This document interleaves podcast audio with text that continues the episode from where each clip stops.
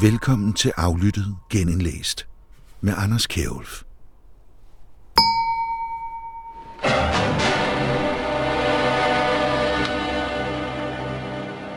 Velkommen til et program, der er iført skæg og blå briller. I hvert fald indeni, hvor der i den seneste tid har roteret nogle analog borgere rundt, som ikke må være der.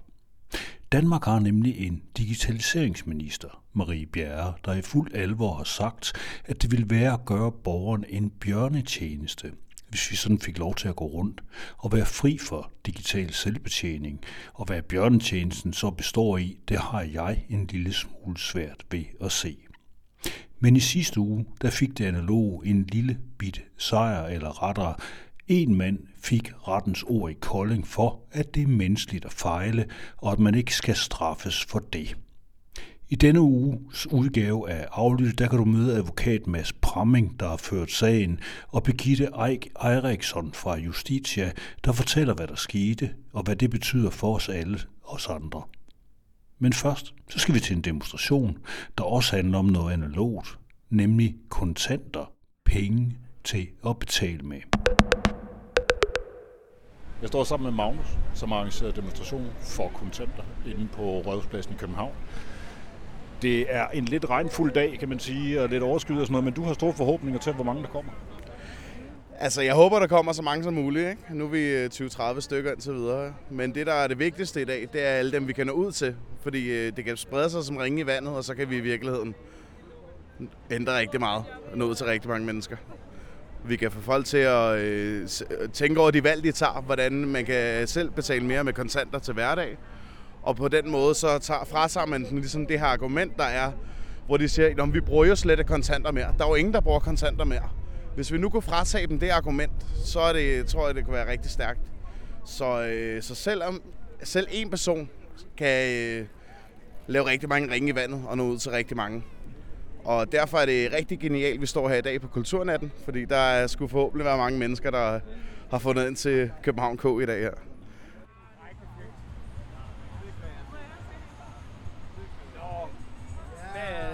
Hvad har du at spørge? Hvorfor, er du, øh, hvorfor skal vi øh, bevare kontanter? Jeg er her, fordi uh, vi skal beholde vores kontanter. Og det er den primære formål med, at jeg er her. Jeg har også andre formål til enhver tid. Men øh, det primære er, at vi skal bevare vores kontanter, fordi øh, vi skal ikke leve i et, øh, i et samfund, hvor øh, nogen som helst skal styre, hvad vi skal bruge. Det vi har knoklet for til noget som helst.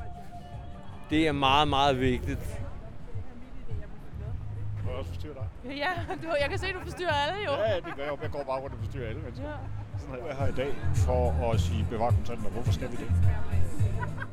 Over bankoverførelse, så kan de jo se alt, hvad vi går i Netto, 7-Eleven eller noget. Hvis du bare giver nogle kontanter, så er det jo ikke, fordi de kan vide 100% hvad du laver. Og kontrol over alle mennesker, det er jo ikke, det går jeg ikke ind for. Det er mest det.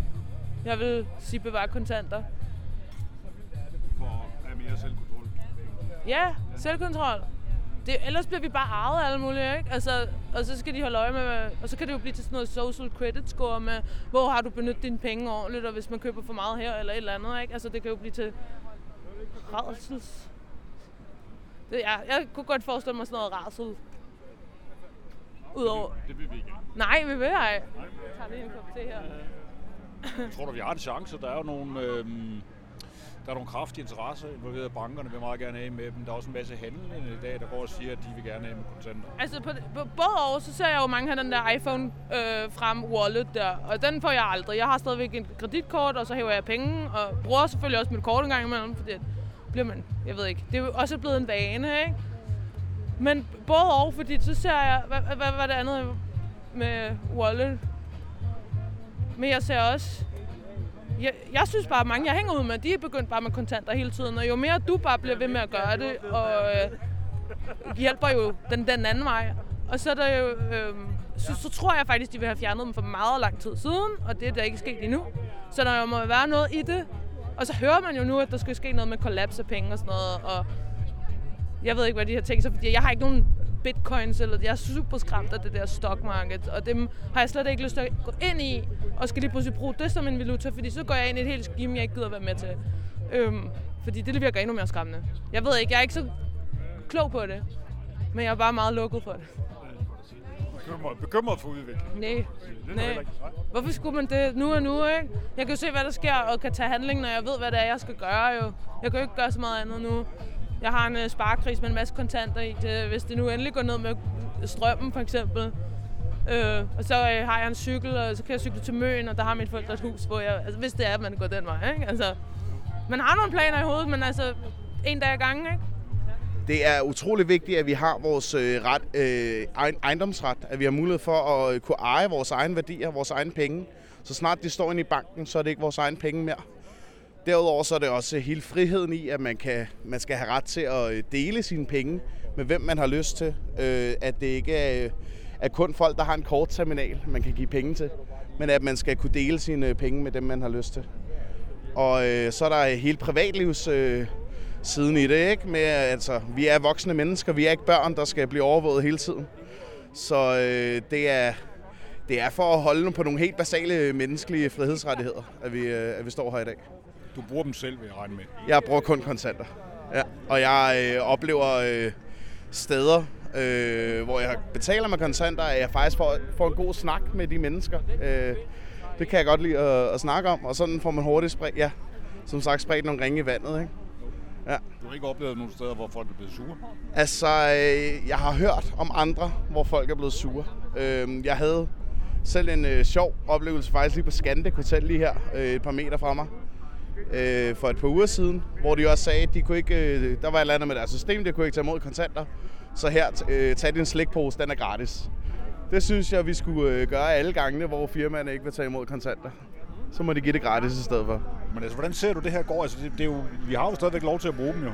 Ja, og det er der jo nogen, der så kan sige, jamen, hvad er det, I kæmper for? Men altså, det er ikke, du skal ikke lede særlig længe og skrave særlig længe i overfladen, før du ser, at der er en bevægelse i gang for at lave det her kontantløse samfund. Det er øh, et spørgsmål om tid, før de øh, rigtig øh, kører op for speederen for det. Og du skal ikke kigge så langt væk til Sverige, for eksempel. Der er det rigtig udbredt med ikke at tage imod kontanter. Der er vi heldige her i Danmark, at vi stadig har vores kontantregel, at øh, virksomhederne skal tage imod kontanter, når de også tager imod øh, betalingskort. Det er det, de ikke har i Sverige. Det har de ikke i Sverige, nej. Så, øh, så altså, der er rigtig mange øh, kræfter, der er i gang med at prøve at afskaffe kontanterne lige nu. Derfor er det en enormt vigtig sag, det her. Og det er enormt vigtigt, at vi går ud nu, i stedet for først, når det er for sent. Fordi når øh, vi ikke har kontanterne mere, så er det for sent. Så har vi ikke særlig meget frihed tilbage. Ja. Og man, man kan også sige, jo, men er det nuværende kontantsystem, øh, er det nuværende kontantsystem perfekt? Nej, det er det selvfølgelig ikke. Jeg foretrækker i gamle dage, hvor øh, de havde en bestemt værdi, du kunne bytte dem for i guld eller sølv. Øh, men det vi er i gang med lige nu, med at gøre det helt kontantløst, det er i hvert fald den forkerte retning. Der, øh, der er det bedre, at vi beholder de kontanter, vi har lige nu, hvis det er den vej, det går.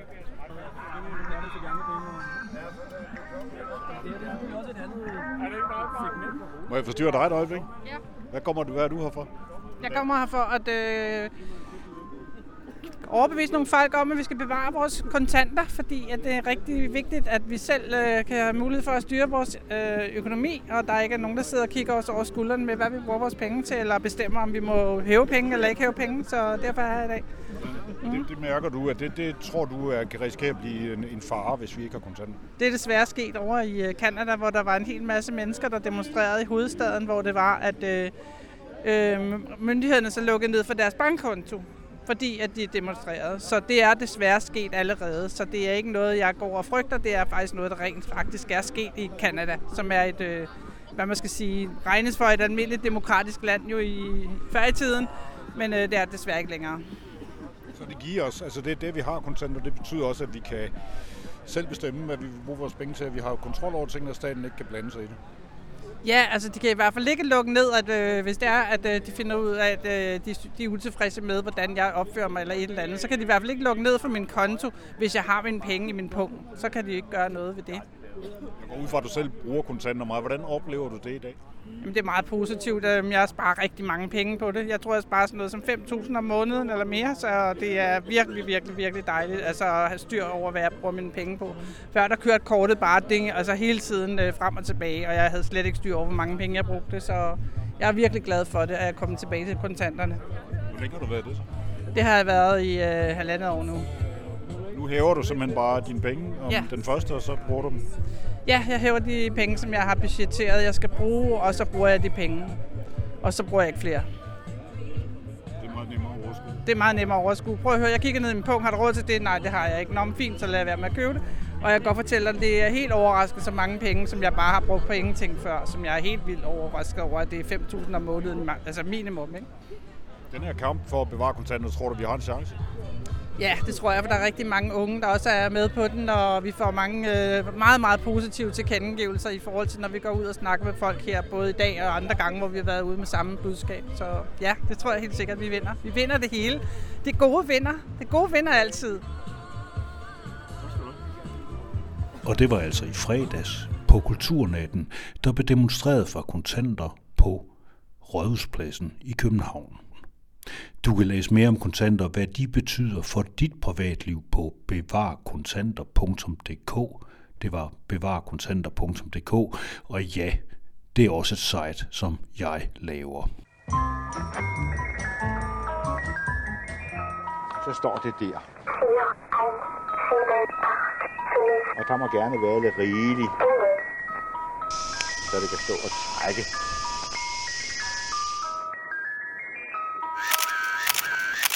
I sidste uge der sluttede en retssag i Kolding med, at en borger ikke skulle sanktioneres for ikke at have reageret på et brev i e-boks. Han havde ellers mistet 10 dages sygedagpenge, fordi han ikke rettidigt fik svaret på en besked i e-boks, hvor han skulle udfylde et skema inden for en frist på 8 dage. Manden har slet ikke nogen digitale kompetencer, som det hedder, og han kan ikke selv logge ind på e-boks. Selvom han opfylder betingelserne for at blive fritaget, hvad han også senere blev, så havde han fulgt myndighedernes anbefaling om at forsøge at være digital med hjælp fra sin hustru, der har taget sig af alle hans digitale ærner, men hun var i den pågældende periode bortrejst for at besøge sin syge søster. Hertil kommer, at den sms-notifikation, som man nogle gange modtager, når man har fået noget post i e-boks, den ikke virkede på det her tidspunkt. Men da hustruen kom hjem, så blev de opmærksomme på fristoverskridelsen, men skaden var allerede sket, og han mistede en del af sine syge dagpenge. Det resulterede blandt andet i, at han var nødt til at låne penge af sine børn for at dække udgifter til husleje og mad. Jeg har talt med først advokat Mads Pramming, der har ført sagen, og senere med Justitias direktør Birgitte Eik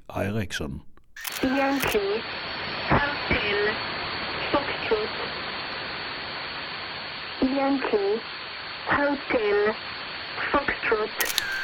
Her på en telefon over en højtaler, der har jeg fat i Mads Pramming, advokat. Øh, Du har været med til at føre en sag for en borger, som må sige at have nogle problemer med det digitale. Kan du prøve at beskrive den her sag, du har været med til at føre? Hvad, hvad gik det ud på? Hvad var problemet?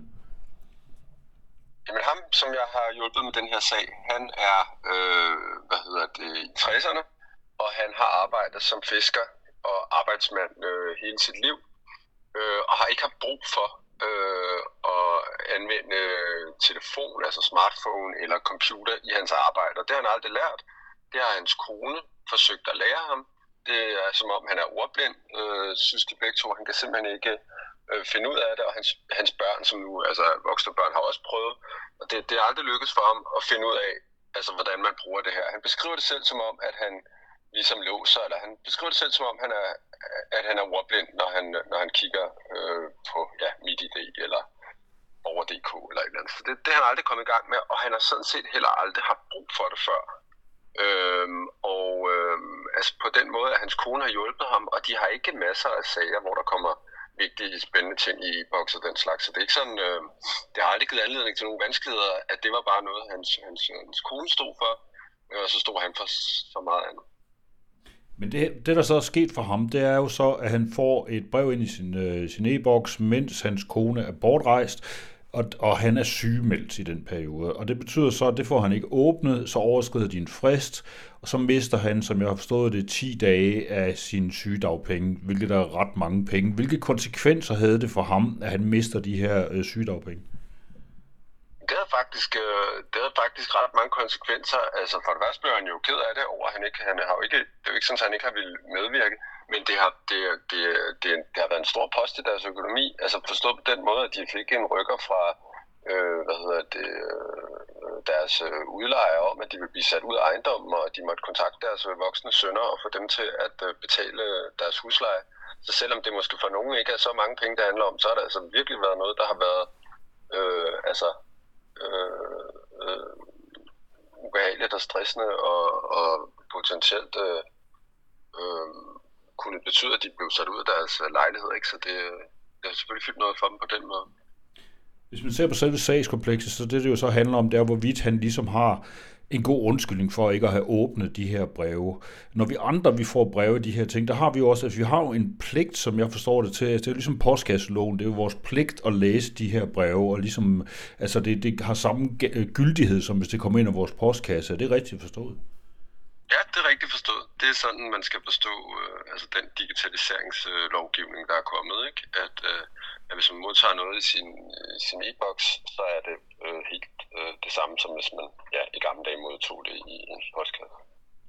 Og det vil så sige, at det er så gældende i det her tilfælde. Det, der, der, den her sag så handler om, hvorvidt han ligesom var lovligt undskyldt.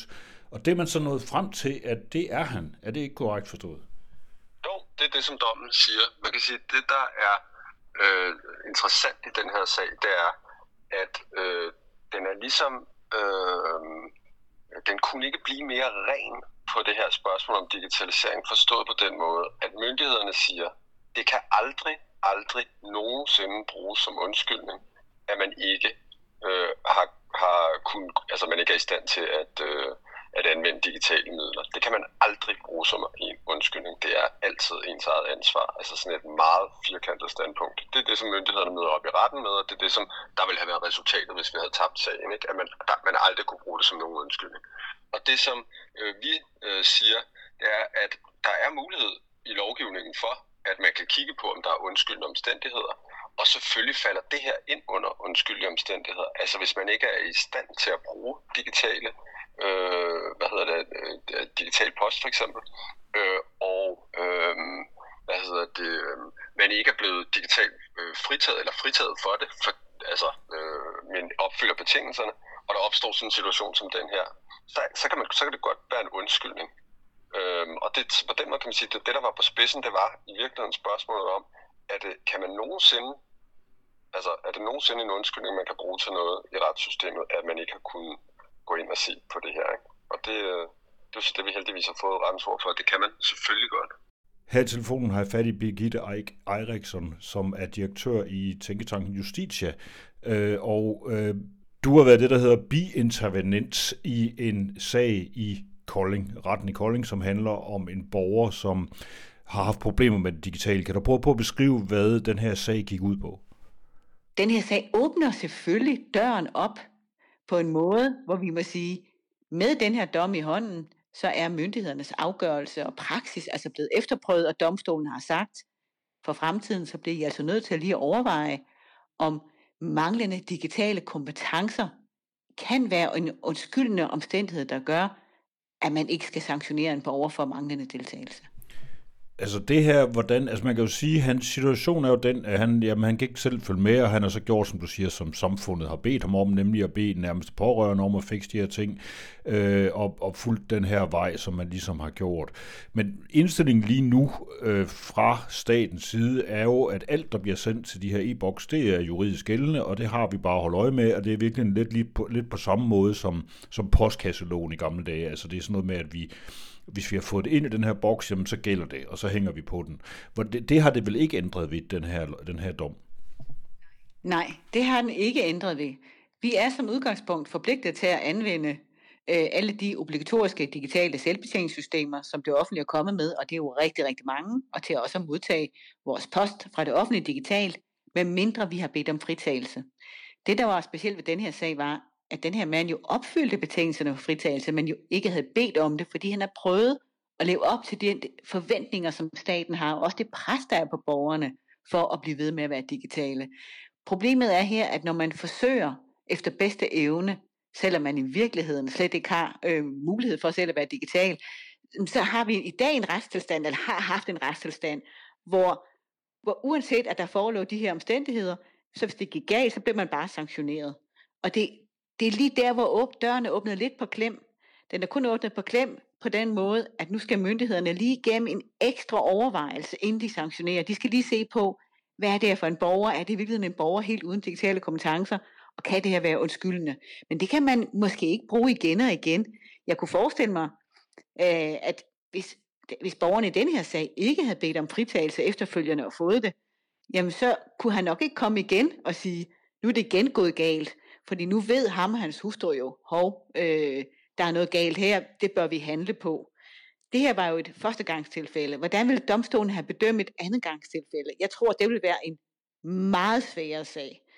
Så det er kun en lille dør, der bliver åben. Og på, det, på den måde kan man sige, det er jo ikke tilfredsstillende, at vi stadig har øh, en ulige retssikkerhed afhængig af ens digitale kompetencer. Og det er jo det, som min rapport om retssikkerhed for digitalt udsatte borgere har vist, at der er i dag en ulige retssikkerhed, uanset om man har netværk eller ej, jamen så har man en vilkårlig retssikkerhed, hvis man ikke har de her digitale evner, der skal til. Hvordan får vi løst det problem? Det er ikke løst med den her dom.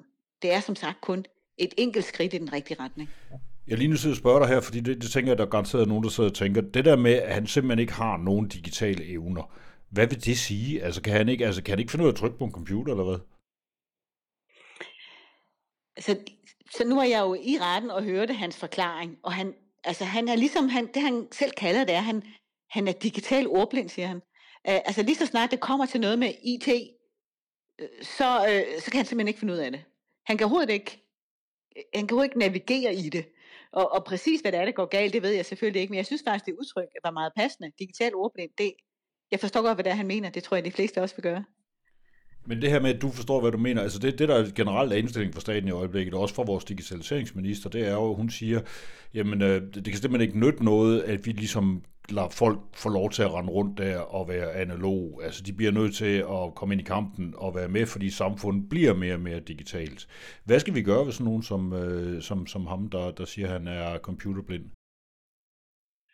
Jeg forstår godt, at der er sådan nogle effektiviseringshensyn, som siger, at vi skal alle sammen bare være digitale, og så løser vi det problem.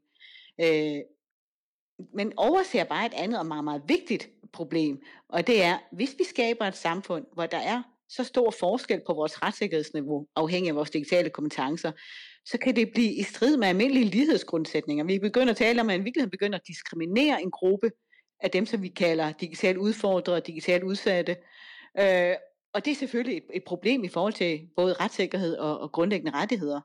Øh, så der kan meget vel opstå et andet problem. Og nu er vores digitaliseringsminister altså også ligestillingsminister. Så jeg tror virkelig, hun har noget at tænke over. Jeg ved, du har øh, slået til lyd for, øh, for et begreb, der hedder, hvor du snakker om et digitalt fripas. Øh, det, det ja, har du det gjort rigtigt. tidligere, og det, det, det er noget, det, det, jeg går ud fra, at du stadigvæk mener, at det kunne være en god idé, men kan du lige prøve at forklare, hvordan vil det hjælpe den situation, for eksempel for, en, for de computerblinde derude? Ja, altså det vil gøre det lettere at bede om fritagelse. I dag er det jo sådan, at hvis man skal fritages, så skal man bede om fritagelse for hver enkelt system hos den ansvarlige myndighed. Og det er altså mange ansøgninger, der skal sendes afsted. Og nogle af fritagelserne er kun midlertidige. Så skal man huske at søge igen. Så vi har altså fået lavet et system, som er meget komplekst. Øh, der er jo for nylig blevet vedtaget en mindre ændring, der betyder, at dokumentationskravene slækkes, hvis man er blevet fritaget for digital post, så behøver man ikke at dokumentere en hel masse for også at blive øh, fritaget for nogle obligatoriske digitale selvbetjeningssystemer. Men det er stadigvæk en meget omfattende ressourcekrævende øvelse for de her øh, digitalt udsatte. Det jeg foreslår, det er så med digital fripas, så søger man en gang. Det kunne fx være, når man søger om, om fritagelse for digital post, så bliver man automatisk fritaget for alle de digitale selvbetjeningsløsninger. Og argumentet imod er selvfølgelig, hvis der er for få, der er digitale og benytter sig af det her, så kan det nærmest ikke betale sig. Men jeg kan jo se, at dengang man indførte de her øh, selvbetjeningsløsninger, der havde man et mål, der hed 80% skulle være digitale. Vi er langt, langt højere op i dag. Langt, vi er helt overskrevet alle mål.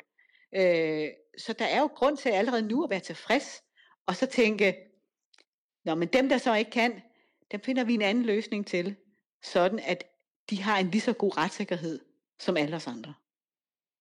Man kan vel også godt sige, at Danmark har vel en særlig status, hvad de her ting angår, fordi de lande, vi eventuelt kan, kan sammenligne os med rundt omkring i Europa, de har jo ikke de her tvangsting. Altså, det er jo ikke, man er jo ikke tvunget til at være digital, for eksempel i Tyskland eller i Frankrig eller, eller de her andre. Det er kun Danmark, der har det. Er det ikke rigtigt forstået? Jeg ved faktisk ikke, øh, hvordan det er i alle andre lande. Jeg ved bare, at vi var det første land, der gjorde det obligatorisk at, at betjene sig selv digitalt. Så jeg tror faktisk, der er andre lande. Hvem der er, og hvem der ikke har det, øh, det er jeg ikke er sure på. Nej. Men, du, men det, vi er i hvert fald, altså, som du siger, vi er de første, der gør de her ting. Øh, det her, vi er jo altså, verdensmestre det... i digitalisering. Det er vi blevet kåret til tre gange i træk. Det er en pris, der uddeles af FN øh, hver tredje år. Vi har også været europamestre siden 2014. Her i 2022 er vi dobbelt indhentet af, af Finland, så vi, nu har vi kun en anden plads. Altså, der er jo ingen tvivl om, at vi er det mest digitale verden, og vi er dem, der er nået aller, aller længst med digitaliseringen. Og vi skal måske passe på med at værne så meget om at have en førsteplads i noget, at vi ligesom glemmer at få sat borgerne i centrum for hele den her meget, meget store samfundsændring. Og sikre, at der både er god retssikkerhed og respekt for grundlæggende rettigheder i, i vores kommende endnu mere digitale samfund. Man kan vel også godt sige, at det ville være fornuftigt at arbejde på, at der var ligesom en balance mellem, skal man sige, det analoge og det digitale i den sammenhæng, og så de borgere, som er computerblinde, også skal være her. Ja, men også arbejde på, at den analog så virker, fordi hvis det hele skal foregå med Post Danmark og omdeling, der kan tage mange dage, så risikerer man jo også, at for eksempel indkaldelser til sygehuset, jamen der er øh, tiden allerede passeret, inden man overhovedet får at vide, at man har en tid. Så der er også et eller andet med, at den analog, det analog alternativ jo heller ikke løser alle problemer. Så der, der skal mere til, tænker jeg. Hvad, hvad kunne du forestille dig der? Jeg tror, at det er en af de vilde problemer, vi må give videre til, til, til nogle andre. Øh, der er jo mange ting på spil her, øh, og jeg kunne sagtens forestille mig nogle meget lavpraktiske løsninger. Øh, altså, jeg kan da huske, der var en gang i øh, politiet, hvor man havde stævningsmænd, der rendte ud og fortalte, nu, nu skal du i retten. Det, man holdt op med, det er også blevet digitaliseret. Det betyder, at der er rigtig mange, der ikke ved, at de har en sag og ikke møder op. Man kunne godt forestille sig om det her med at ansætte nogle få mennesker i det offentlige til at sørge for, at, at ikke digitale mennesker får meget vigtige beskeder, at de kunne være et alternativ. Selvom det kan virke gammeldags. Og det var advokat Mads Pramming og direktør Justitia Birgitte Eik Eriksson. It may just be my imagination. Whatever it is that's watching. It's not human. Her mens aflyttet er ved at rende ud for den her gang, så skal jeg den grad lige huske at nævne, at der foregår en masse ting omkring EU-kommissionens forslag, det der hedder chatkontrol. Et overvågningssystem, der skal scanne dine beskeder direkte på din telefon, eller mere præcist, alles elektroniske beskeder med noget rigtig funky kunstig intelligens, så man sikrer sig, at du ikke er ude på at groome børn eller sende børneporno rundt. Og uanset hvor fint det er at bekæmpe de to ting, så virker det som noget af en overreaktion, at alle skal scannes, og at Europol skal have adgang til alle beskeder på alle EU-borgers telefoner. I sidste uge var en lang række organisationer ude med en stor helsidesannonce og et brev til Folketinget, som netop handlede om risikoen ved at indføre det her chatkontrol. Og hvis du gerne vil vide mere om, hvordan det virker og hvad det er for noget, så kan du gå ind på chatkontrol.dk, og det er kontrol med K, eller du kan lytte til en af de tidligere udgaver af Aflytte, hvor jeg taler med Karin Melchior fra EU-parlamentet om lige præcis chatkontrol.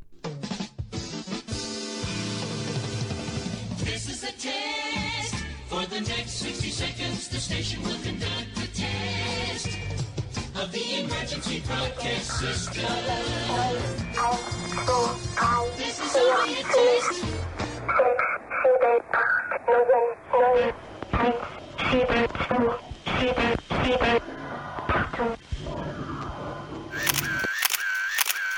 Det var, hvad jeg havde til dig for den her gang. Jeg hedder stadigvæk Anders Kjærulf, og jeg leder stadigvæk efter sandheden i en sjæl og et læme.